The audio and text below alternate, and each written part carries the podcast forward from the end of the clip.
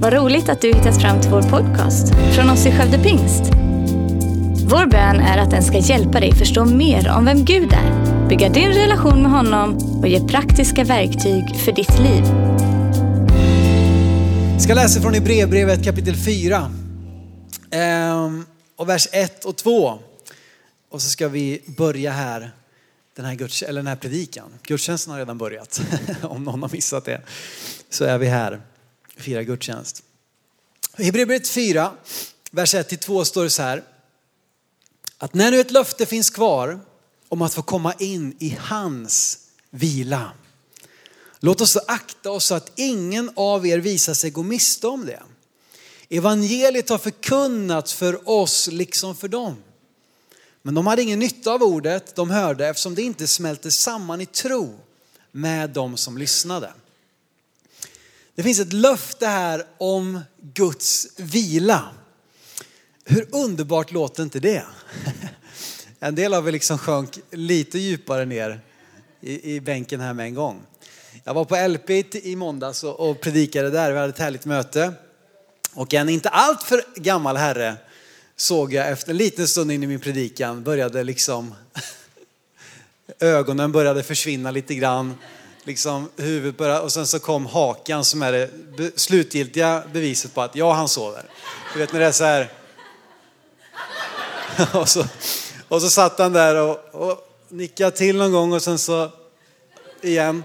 Men han kom fram efteråt och tackade och tyckte att det hade varit bra. Så att, eh, jag vet inte vad han hade för drömmar där egentligen. Men, men det är väl härligt att få komma in och bara få ta en liten paus.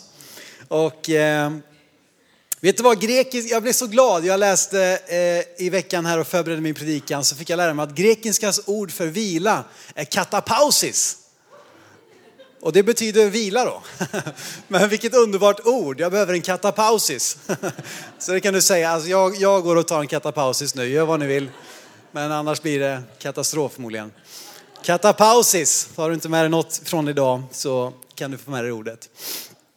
Men Gud vill leda oss in i sin vila. Hur gör vi det då?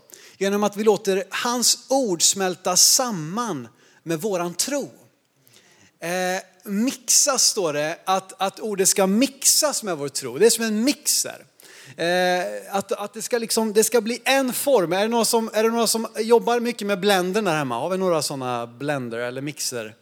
Ja, det är några, ja, det var inte så populärt tydligen, men, men det, det är en kul grej. Så stoppar man lite allt möjligt. Sen när man mixar, då blir det ju en röra. Det, blir, det smälter samman. Det blir en form.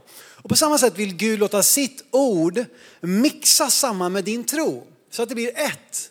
Att din tro är hans ord och hans ord är din tro. Eh, och där i så kan vi få komma in i Guds typ av vila. Och därför är min rubrik idag, jag behöver vila. Och det var någon som, ja jo det märks Simon, men, men eh, kom igen nu.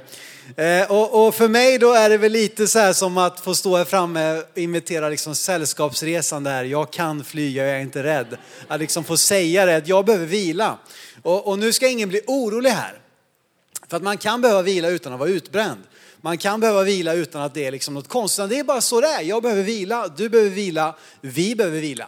Skulle det kunna vara. Men jag, eh, hade det varit en riktigt svensk predikan hade det stått man behöver vila där uppe. Eh, eller en behöver vila kanske i dessa tider. Men, men eh, det är bra att göra det personligt. Det var någon som sa det till mig att när man ska predika eller tala så använd inte man för mycket. Ja man, det är bra att man eh, gillar, utan ja, men tala jag eller vi. Så att det blir någonting personligt, det är något som talar till mig, det är något som gäller mig. Och jag är som alla andra att jag behöver vila och jag tror att du kan stämma in i det. Eh, och jag tror att vi ser och vi tänker på lite olika saker när vi tänker på det här konceptet vila. Eller så här, vad tänker du då? Någon ser sig själv kraschlanda i tv, eller i tvn, då har det gått riktigt långt. Men kraschlanda i soffan för att liksom få, få, få bara på med tvn bara, vad som helst. Det kan vara vad du vill, bara jag får liksom lägga med en stund och vila. Någon ser framför mig en rendezvous med en eh, vän eller väninna på stan för att koppla bort, ta en fika.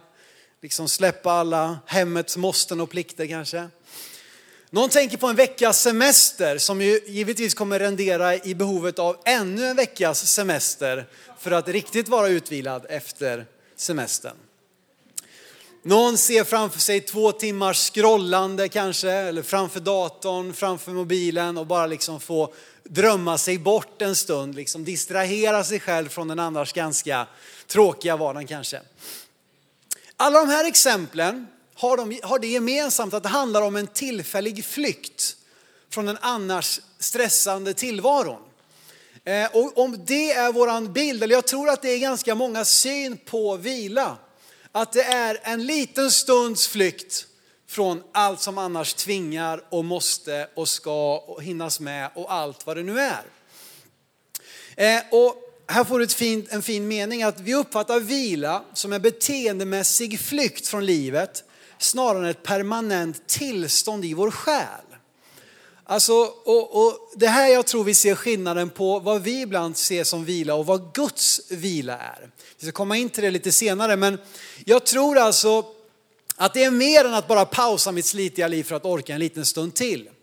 Den genomsnittliga arbetaren lever för helgen. Äntligen fredag, vi jobbar en halvtimme extra måndag eller en timme extra måndag till torsdag så jag kan gå hem och klocka ut liksom vid lunch på fredag. Och då lever jag upp i liksom 48 timmar innan liksom söndagsångesten lägger sig framåt 5-6 på söndag eftermiddag och man bara inser att snart är det dags igen. Genomsnittlige svensken tror jag ofta har liksom den här, den här drömmiga bilden av semestern. Åh, semestern. Och så i bestämd form också, semestern.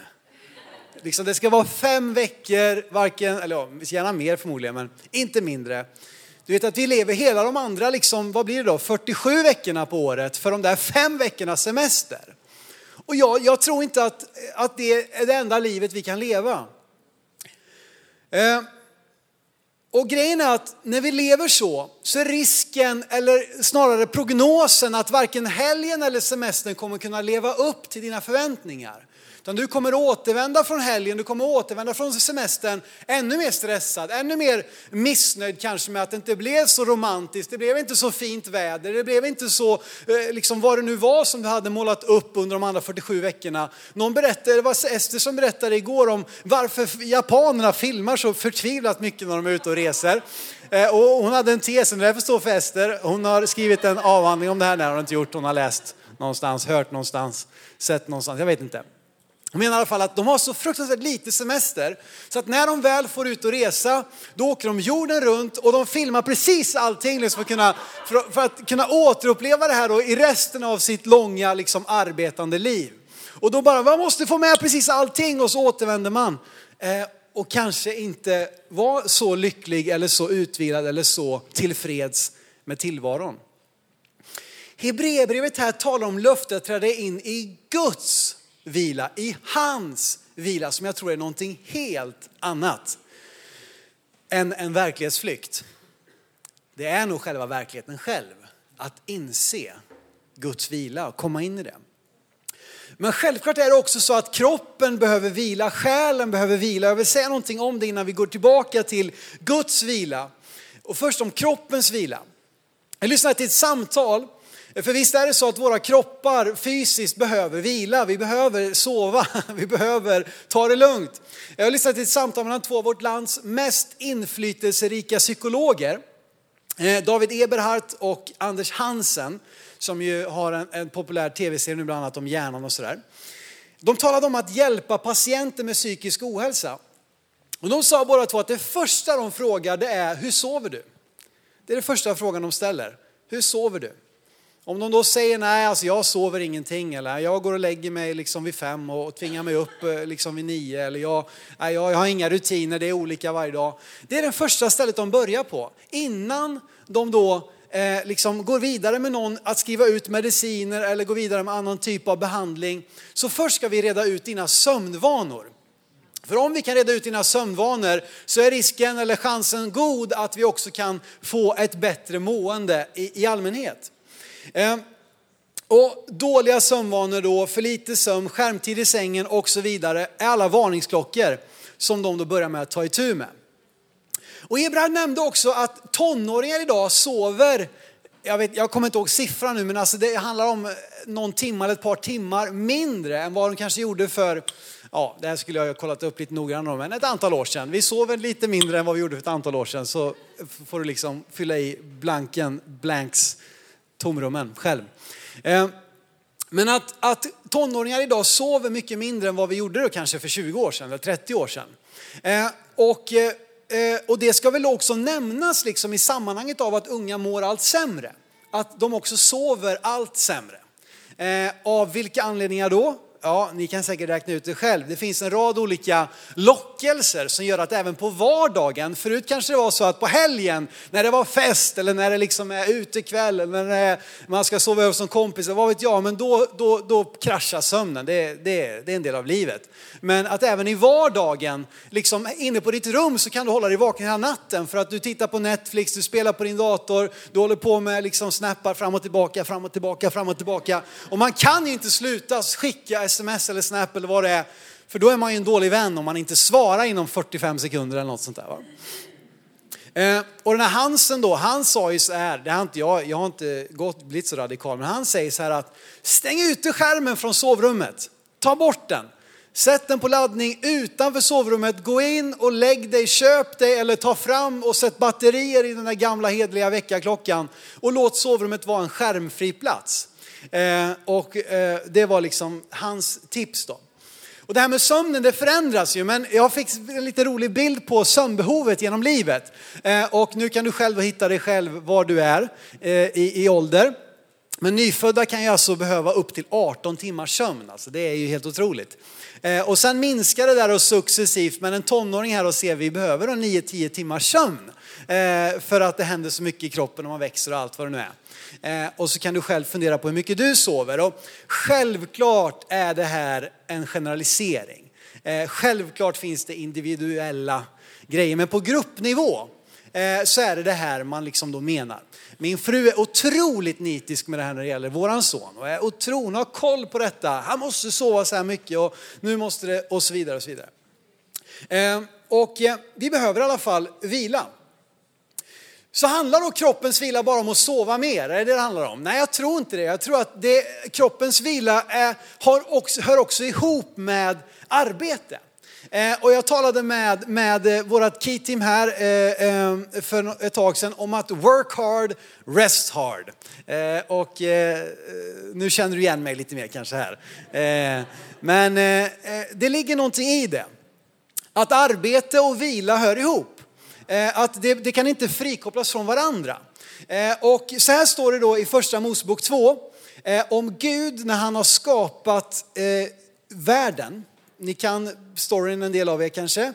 Eh, sex dagar, han, han, det är ganska intensivt arbete får man nog ändå, eller om det bara var, ja, jag vet inte, men jag har aldrig gjort jorden så jag vet inte hur mycket tid det krävs. Men jag tänker mig att sex dagars arbete för att skapa världen, det är ändå lite tungt arbete. Står det sen så här i första Mosebok 2 och 3 att Gud välsignade den sjunde dagen och helgade den. För på den dagen vilade han från hela sitt verk som han hade skapat och gjort. Gud alltså avskilde, han satte av en dag för vila från sitt arbete. Det hänger ihop. Det var inte sju dagars vila, utan det handlade om, ja men här har jag, nu har jag gjort ett gott verk och nu ska jag vila, inte från det, men i det. Alltså, eh, och, och tacka Gud, tacka, njuta av det jag har faktiskt fått göra med mina händer. Sen ser vi några verser senare då när, när människan, du och jag får uppdraget här vad vi ska göra.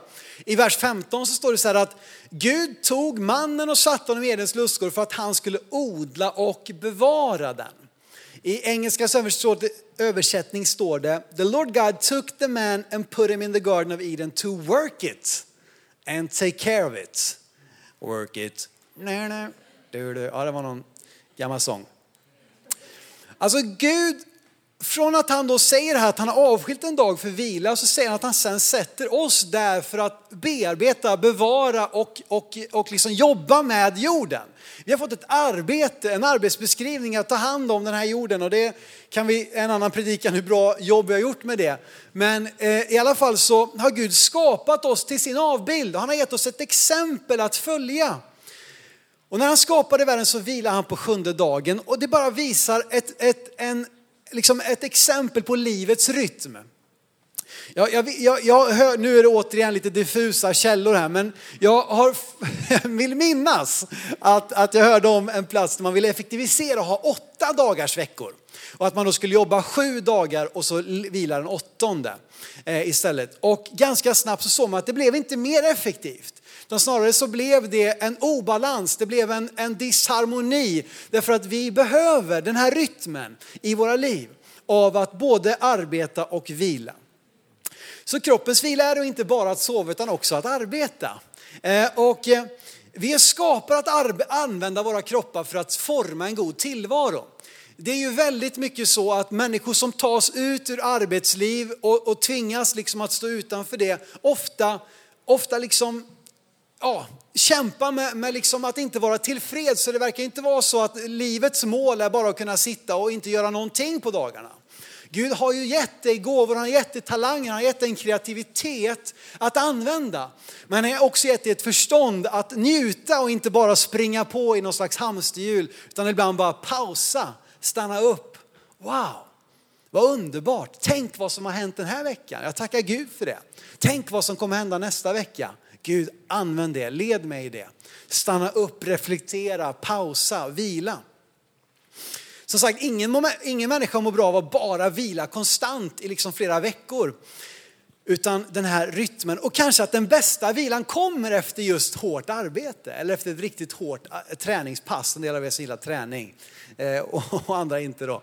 Eh, men att kunna njuta av vila så tror jag också att vi ska njuta av att arbeta och att det inte ska sättas i varandras motsats. Om din vila alltid ska liksom vara en fiende mot ditt arbete, då kommer det bli den här osunda jagandet efter fredag eftermiddag, utan att det där får liksom smälta samman. Men vi behöver också återhämta oss och den som är bra på träning och sköter sin kropp och sin träning och sin kost vet att återhämtning är lika viktigt som själva träningen i sig. Jag har en till tabell här eh, på lite olika exempel. Jag känner mig lite som, jag vet inte, någonting. Eh, och eh, här är lite exempel. Då. En person som klarar av att springa 5 km på 25 minuter, får du själv eh, göra resten av matten, behöver ungefär den här typen av återhämtning. Alltså ungefär en timmas snabb gång. Ja, men då räcker det med ett par timmars återhämtning för att då komma tillbaka till 90-95 procent. Och sen liksom ju hårdare du tränar desto längre tid behöver du till återhämtning. Och grundprincipen är ju också att så, ju sämre i form du är desto längre tid behöver du på dig att vila. Och så kan man då jobba upp det här till att liksom hitta en balans. Eh, men just bara att inse det att okej okay, om jag ska lyckas väl i mitt arbete så måste jag också lyckas väl med min återhämtning. Och jag behöver hitta den här balansen, den här vägen fram. Eh, och eh, eh, som sagt, för att kunna jobba hårt blir det lika viktigt att vi också vilar avsiktligt. Det fyller på. Och det gör att vi kommer tillbaka till liksom en, en, en god energinivå där vi kan ta oss an nästa utmaning. Men att hitta den här vilan, att bygga våra liv så som Gud bygger sitt liv. Att planera avsiktligt för återhämtning. Kroppens vila. Själens vila då, vad är det för någonting? Är det skillnad det? På själens vila och kroppens vila? Jag tror att man kan, man kan tänka sig en skillnad i det. Jag ska läsa i tredje Johannes brev, vers 2. Och det är bara ett kapitel så att man lockas gärna att säga ett och två, det är väl också rätt, men man kan säga alltså tredje Johannes brev, vers 2 bara. Fick ni det, veta det också. Ehm, och eh, där står det så här, älskade broder. Jag hoppas att det går väl för dig på alla sätt och att du är eh, frisk. Liksom det är väl med din själ. Jag hoppas att det är väl med din själ. Att du är frisk och att det är väl med din själ. Så det verkar alltså vara en skillnad på att vara frisk och att ha det väl i sin själ. Därför att våran själ är ett annat område av våra liv som har våra känslor att göra, som har med våran emotionella energi att göra om man säger så. Och själens vila handlar inte om hur många timmar du ligger på rygg i sängen och liksom sover, eller om du gillar att sova på sidan kanske, eller ligga och sova på mage, jag vet inte. Eh, det är helt upp till dig. Men vad som ger av, här skulle jag vilja tala om, om, om, om att det snarare handlar om att koppla av. Avkoppling. Eh, och vad som får oss att koppla av är väldigt individuellt. Vad får dig att fylla på din emotionella energi? Du vet, vi kan ha en fysisk energi till att klara av otroligt mycket. Eh, och jag eh, tror att jag är en av dem som skulle liksom kunna pressa mig själv till att men jag klarar det här rent fysiskt. Och ibland behöver man göra det. Ibland behöver man bita ihop och säga vi ska korsa den här mållinjen där borta. Vi ska ro den här veckan i land. Men man kan inte leva ett liv på det sättet. Eh, utan vi kan ha fysisk energi till någonting, men frågan är har jag emotionell energi till detta? Eh, och det är en väldig skillnad. Så att vi behöver också se till att vi får fylla på vår emotionella energi. Eh, eh, och eh, så. Och här som sagt så, så är det så olika. Och du vet, Gud han vilar ju inte på den sjunde dagen för att han var trött eller inte orkade mer. Det var inte för att, nej nu är jag helt slut efter sex dagar så nu, bara, nu måste jag bara däcka här liksom sjunde dagen och så kanske jag orkar släppa mig upp igen. Eh, utan han gjorde ju det eh, för att han, han hade en plan. Han visste jag, behö, jag vill ha den här dagen för att njuta av vad jag har skapat. Att få titta att få gå runt där i Edens lustgård och plocka lite frukter och klappa lite på pantrarna och leoparderna och som alla var fredliga vid den här tiden då. Eh, bara få njuta, att få fylla på, att koppla av, att ladda upp. Han hade en strategisk vila, han helgade sjunde dagen. Eh, och vi behöver lära oss det också då. Och här är som sagt så olika. Vad får dig att fylla på din emotionella energi? Vissa får energi av att vara med andra människor. En av dem leder mötet här idag. Jag ska inte säga vad hon heter. Men eh, eh, vissa av oss är sådana att oh, jag behöver fylla på min energi. Jag vill vara med någon. Jag vill träffa någon, jag vill umgås med någon. Andra känner precis tvärtom. Det tar energi att vara med andra människor och då kan jag behöva liksom få gå i min bubbla och göra någonting annat. Eh, nu sa jag min som att det skulle vara jag vi pratar om nu men eh, ja. Så kan det vara, men eh, jag säger inte mer än så. Men du behöver lära känna dig själv. Vad får dig att fylla på? Är det att läsa en god bok? Är det att ta en fika på stan med en, en kompis? Är det att faktiskt titta eh, på liksom en match på tv eller någon, någon serie du gillar? Liksom. Du behöver inte kolla på åtta avsnitt bara för att de finns tillgängliga. Kolla på ett avsnitt och låta det liksom, ja vad skönt, nu känner jag mig lite laddad här. Baka en kaka kanske. Eh, springa ut och gå ut och springa. Alltså, ni fattar grejen. Det är olika. Ut och åka lite med båten kanske om du har en sån. Du ska inte stjäla någon båt utan du får köpa en först i så fall och sen kan du åka med båten. Det är olika vad som får oss att fylla på vår emotionella energi. Men jag tror så här att jag pratade med mina ledare här och jag tyckte, så här, för det kan också bli så här lockande att och jag, vill, jag vill bara göra det hela tiden. Men jag tänkte så här, om du kan karva ut en timme om dagen. En timme om dagen till, till den här typen av, av emotionell Eh, aktiv vila kan man tala om. En aktiv vila. Till skillnad från liksom bara sängliggande så. Eh, en kväll under vardagen där det inte är liksom alla barnens träningspass och eh, träffar i kyrkan och allting, liksom möten på jobbet. Utan en kväll under vardagen som du bara liksom kan vara hemma, vad vet jag, laga lite mat eller bjuda hem någon eller liksom ta det lugnt en dag i veckan. Att liksom hitta den, den rytmen. En dag i veckan som jag inte har några måsten. Och den här aktiva vilan handlar inte om att jag bara ska sitta still, liksom, någon slags gammaldags långfredagsstämning. Liksom, att nu ska vi bara sitta här och titta in i väggen ungefär. Utan att som sagt få göra någonting aktivt, någonting som, som fyller på.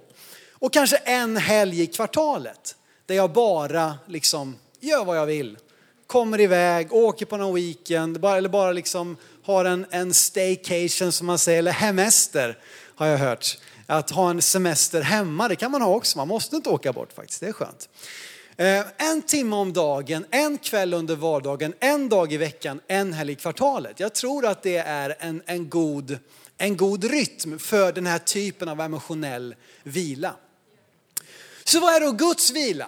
Jag talar om kroppens vila, själens vila och du talar om att Gud har en egen typ av vila. Vad är det för någonting? Jo, tillbaka till Hebreerbrevets löfte om att få träda in i hans, i Guds vila. Vad är det för någonting? Alltså det, det är lite lockande. Gå in, det är lite Narnia-känsla. Kommer du ihåg Narnia-boken? De går in i den här garderoben och så går de ut på andra sidan och där öppnas en hel värld. Alltså vad är det här? Gud! Vad är din vila för någonting? Ehm, men jag tror att den skiljer sig från såväl kroppen som själens vila samtidigt som Guds vila är den bästa förutsättningen för kroppens och själens vila. om vi befinner oss, om vi lever i Guds vila, så tror jag också att vi kommer ha enklare att också låta vår själ och vår kropp vila. I Markus 4, kapitel, eh, vers 37 och 38, så står det om Jesus. Det är en häftig story det här. Jag har predikat om den tror jag tidigare i år. En riktig sån här flanellograf-story. Om, om när det är, eh, det är storm ute på Genesarets sjö. Eh, och lärjungarna är på väg över sjön. Det är ingen bra idé, men de är det i alla fall. Eh, och så står det här då om det här tillfället. Markus 4, vers 37-38. Då kom en stark stormvind och vågorna slog in i båten så att den höll på att fyllas. Själv låg han, alltså Jesus, i akten på en dyna och sov. De väckte honom och sa, Mästare bryr dig inte om att vi går under. I kaoset, i stormen, i alla de här röriga omständigheterna så ligger Jesus och sover. Alltså det är ju, man måste bara älska Jesus, är det inte så? När man läser de här berättelserna och förstår vem han är. Så Jesus, du är underbar. Här ligger han och sover mitt i det här kaoset. Du vet, när Bibeln talar om vila så talar inte den om helger, om semestrar, om utekvällar, om att titta på en film eller något annat som vi tänker oss ska förnya oss. Att fly från stress är något annat än att gå in i Guds vila. Eh, Guds vila är inte en punktföreteelse i din tidslinje. Att nu ska jag ha Guds vila och sen ska jag gå vidare som jag pratade lite om det här med själens vila. Nej, Guds vila är något annat. Gud ger dig en gåva, ett tillstånd av vila, lugn och ro som är ett själens tillstånd. Som är en plats där du kan vara på även när det är storm på Genesarets sjö. Även när allting runt omkring liksom piskar emot dig och liksom, det, det kanske är fara för livet. Men här är jag, lugn som en filbunke. Hur är man då? Ja, det får någon för, gärna förklara. Men det är lugnt i alla fall.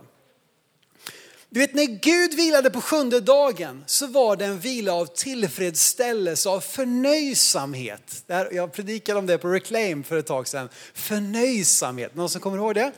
Ja, det är bra. Det, det är bra. En förnöjsamhet, alltså en, en vilsamhet. Du vet att för Gud är inte arbete och vila i kontrast till varandra. Guds vila och hans arbete står inte i varandra. Det är inte fiender, de slåss inte med varandra. Jag läser så fantastiskt citat. Det står så här att God never stops working and he is always at rest. Alltså att Gud slutar aldrig att arbeta och han är alltid vilsam, rofylld, utvilad at rest. Jag, jag, kan inte riktigt översätta det superbra till svenska, men God never stops working and he is always at rest. Jag tycker det är så underbart. Gud, han är, han är igång, men han är hela tiden också på en plats, ett, ett tillstånd av tillfredsställelse, av utviladhet, av ro, av lugn, av ro. Nu kom det igen. Eh, du vet att Gud fann vila då, tillfredsställelse i att forma världen och få utlopp för sin kreativitet. Guds egen son upplevde lugn och ro mitt under en mörk och stormig natt. Och som sagt, det här är då någonting som Gud vill hjälpa oss in i. Och, och det här, som sagt, för jag möter många kristna, det, det, blir ofta en sån fight mellan det. Det blir så tvära kast, antingen ska jag göra allt eller ska jag inte göra något. Och så ställer vi liksom arbete och vila i varandras kollision. Ja, antingen är jag all in i kyrkan eller så kommer jag inte på två år. Alltså det, det måste gå att förena. Guds typ av vila hjälper dig till en plats där det här får finna en balans. En plats där du både kan tjäna med dina gåvor, vara med och odla och bevara den här jorden Gud har satt dig på. Samtidigt som du vilar, samtidigt som du hämtar ny kraft. Eh, och att få vara tillfreds med sin tillvaro. Där du kan ha lika mycket frid måndag morgon som på lördag eftermiddag. Där det kan vara en plats av vila, Guds vila. Som inte är beroende av att jag sitter bakåt ute på en strand med en fruktdrink i hand. Då kan jag vila. Nej, ja då kan du säkert vila. Men, och det är väl underbart om du hamnar där någon, någon gång. Men den som bara har sitt, sitt livsmål det är att ja, men en dag ska jag bli så rik att jag kan flytta till en paradisö och bara sitta där hela dagarna. Liksom. Ja, en dag är väl underbart, en vecka kan vara skönt, två veckor absolut. Men tre månader så, det blir ju tragiskt. Alltså det, det blir ju patetiskt. Det, har du inget mer att leva för? Gud vill att du ska vara en del av hans stora frälsningsplan. Gud vill att du ska vara med och odla, bevara och verka fram en god jord där människor finner hans godhet, där människor finner hans vila. Och därför är min, min, min, min, min bön och min uppmaning till dig, gå in i hans vila. Gå in i hans vila. Hebreerbrevet 4, 9-11, vi kommer tillbaka dit. Det står så här då, längre fram, läs gärna hela det här sammanhanget från första versen i Hebreerbrevet 4. Men från vers 9 står det, alltså kvarstår en sabbatsvila för Guds folk. Mm. Den som går in i hans vila från vila sig från sina gärningar, liksom Gud vilade från sina. Låt oss därför sträva efter att komma in i den vilan så att ingen kommer på fall som det och blir ett exempel på olydnad. Låt oss sträva för att komma in i den vilan. Vad var det som, som det började med? Jo, det var när hans ord mixas samman med min tro. Det är då vi kan få komma in på en plats där Guds vila blir en verklighet för mig. Gud har kvar en sabbatsvila för sitt folk. Tack Jesus för det. Sabbat betyder att come to an end, alltså komma till slutet av sig själv. Du vet när du kommer till slutet av dig själv, då börjar Gud. När du kommer till slutet av dig själv kan du byta ut din begränsning mot Guds oändlighet. Och bara känna, wow Gud, jag har gjort så gott jag kunnat. Jag har använt det du har gett mig, men här tar jag slut. Gud, nu behöver jag dig. Gud, fyll mig. Tack att din oändlighet inte begränsas av min brist. Och när vi inser vår egen begränsning och ger upp kontrollen över vår tillvaro kan vi byta som sagt det som bara når upp till en liten bit mot det som Gud kan göra. Och som sagt, hindret är när det, som, det, det, det han säger, när det Gud talar, när det Guds ord proklamerar och undervisar oss, när det inte mixas samman med din egen personliga tro. Vi kan stå här uppe och gråta och ropa och skrika och hoppa och tala och viska och, och, och göra alla möjliga saker. Men om inte det får mixas samman med ditt hjärtas tro så blir inte det här mer än en, en, en lång film. En liten stunds verklighetsflykt innan jag ska tillbaka till mitt miserabla liv. Men vet du vad, jag tror att det som förkunnas här, det som predikas här, inte mina ord men Guds ord. Att det har förmågan att utrusta dig att möta din vardag med tillförsikt, i vila, i kraft, i Guds typ av vila. När det mixas, smälter, blandas samman med ditt eget hjärtas tro. Tillåt Guds ord att tala högst i ditt liv. Tillåt Gud själv att tränga undan bruset från tillvaron som alla vill ha din uppmärksamhet. Och låt det vara Guds ord som träffar dig. Låt det vara Guds ord som sätter ut riktningen för vad du ska göra, vad du ska göra med din tid, din ekonomi, dina resurser, din familj, din semester. Alltihopa. Du vet att det står att den som går in i hans vila. Det finns ett aktivt val här. Guds ord är detsamma. Guds ord bleknar aldrig. Vad han har sagt, det gäller. Löftena gäller och håller. Det står om den som går in i han, det är ett aktivt val. Nyckeln ligger i rörelsen. Jag hade en fantastisk predikan i början på året, Johannes Amrit, som talade om att miraklet ligger i rörelsen. Och det ligger så mycket i det att, att hallå, rör på dig. Aktivera din tro. Låt Guds ord leda till handling i ditt liv. Låt Guds ord mixas med din tro så att det blir till ett steg i lydnad. Du vet, det står här att motsatsen till tro är olydnad. Och ingen skulle vilja säga att jag lyder inte Gud, jag är olydig mot Gud, men det är vad vi är när vi inte tillåter hans ord mixas med vår tro som leder till ett aktivt val, ett aktiv handling. Det handlar nu inte om att du ska liksom ta ett tusenmilakliv. Det kan handla om en uppsträckt hand i en inbjudan till frälsning. Ett aktivt val. Det kan handla om ett ljudligt amen i predikan där du lägger din röst till att bekräfta det som Guds ord säger. Det kan handla om ett par böjda knän i lovsången. Där du bara böjer dig själv inför Guds allmakt. Det kan handla om uppsträckta händer i lovsång. Men det är någonting aktivt. Det är någonting som aktiveras när Guds ord träffar min tro. Och mixas samman så leder det mig till ett steg närmare Jesus. Du kan också sova mitt i stormen. Och då kan du glädjas i den stunden över vad Gud använt dig till. Du kan liksom bara få vara i en plats av tillfredsställelse innan du tar dig an nästa sak som, som väntar. I Matteus 11.28 står det så här i, i svenska The Message. Står, är ni trötta, slitna, utbrända av försöken att leva upp till olika andliga krav? Kom då till mig. Det är Jesus som talar, inte Simon. Fly med mig så ska ni få tillbaka livet. Jag ska visa er var man kan få vila ut. Kom med mig. Var med mig. Se hur jag gör. Känn nådens otvungna rytm. Rytmen av arbete, av vila. Jag ska inte lägga på er något som är tungt eller otympligt. Följ mig. Så ska ni få lära er att leva fritt och lätt. Inte lätt som är att allt är enkelt, men att du kan ha ett lätt steg. Du kan gå på lätta steg, även om det stormar omkring dig. Tack för att du lyssnat. Dela gärna podden med dina vänner och glöm inte att prenumerera så du inte missar nästa predikan.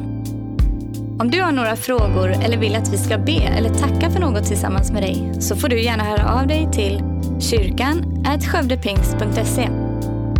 För oss är veckans höjdpunkt söndagens gudstjänst och det vore så kul att träffa dig där.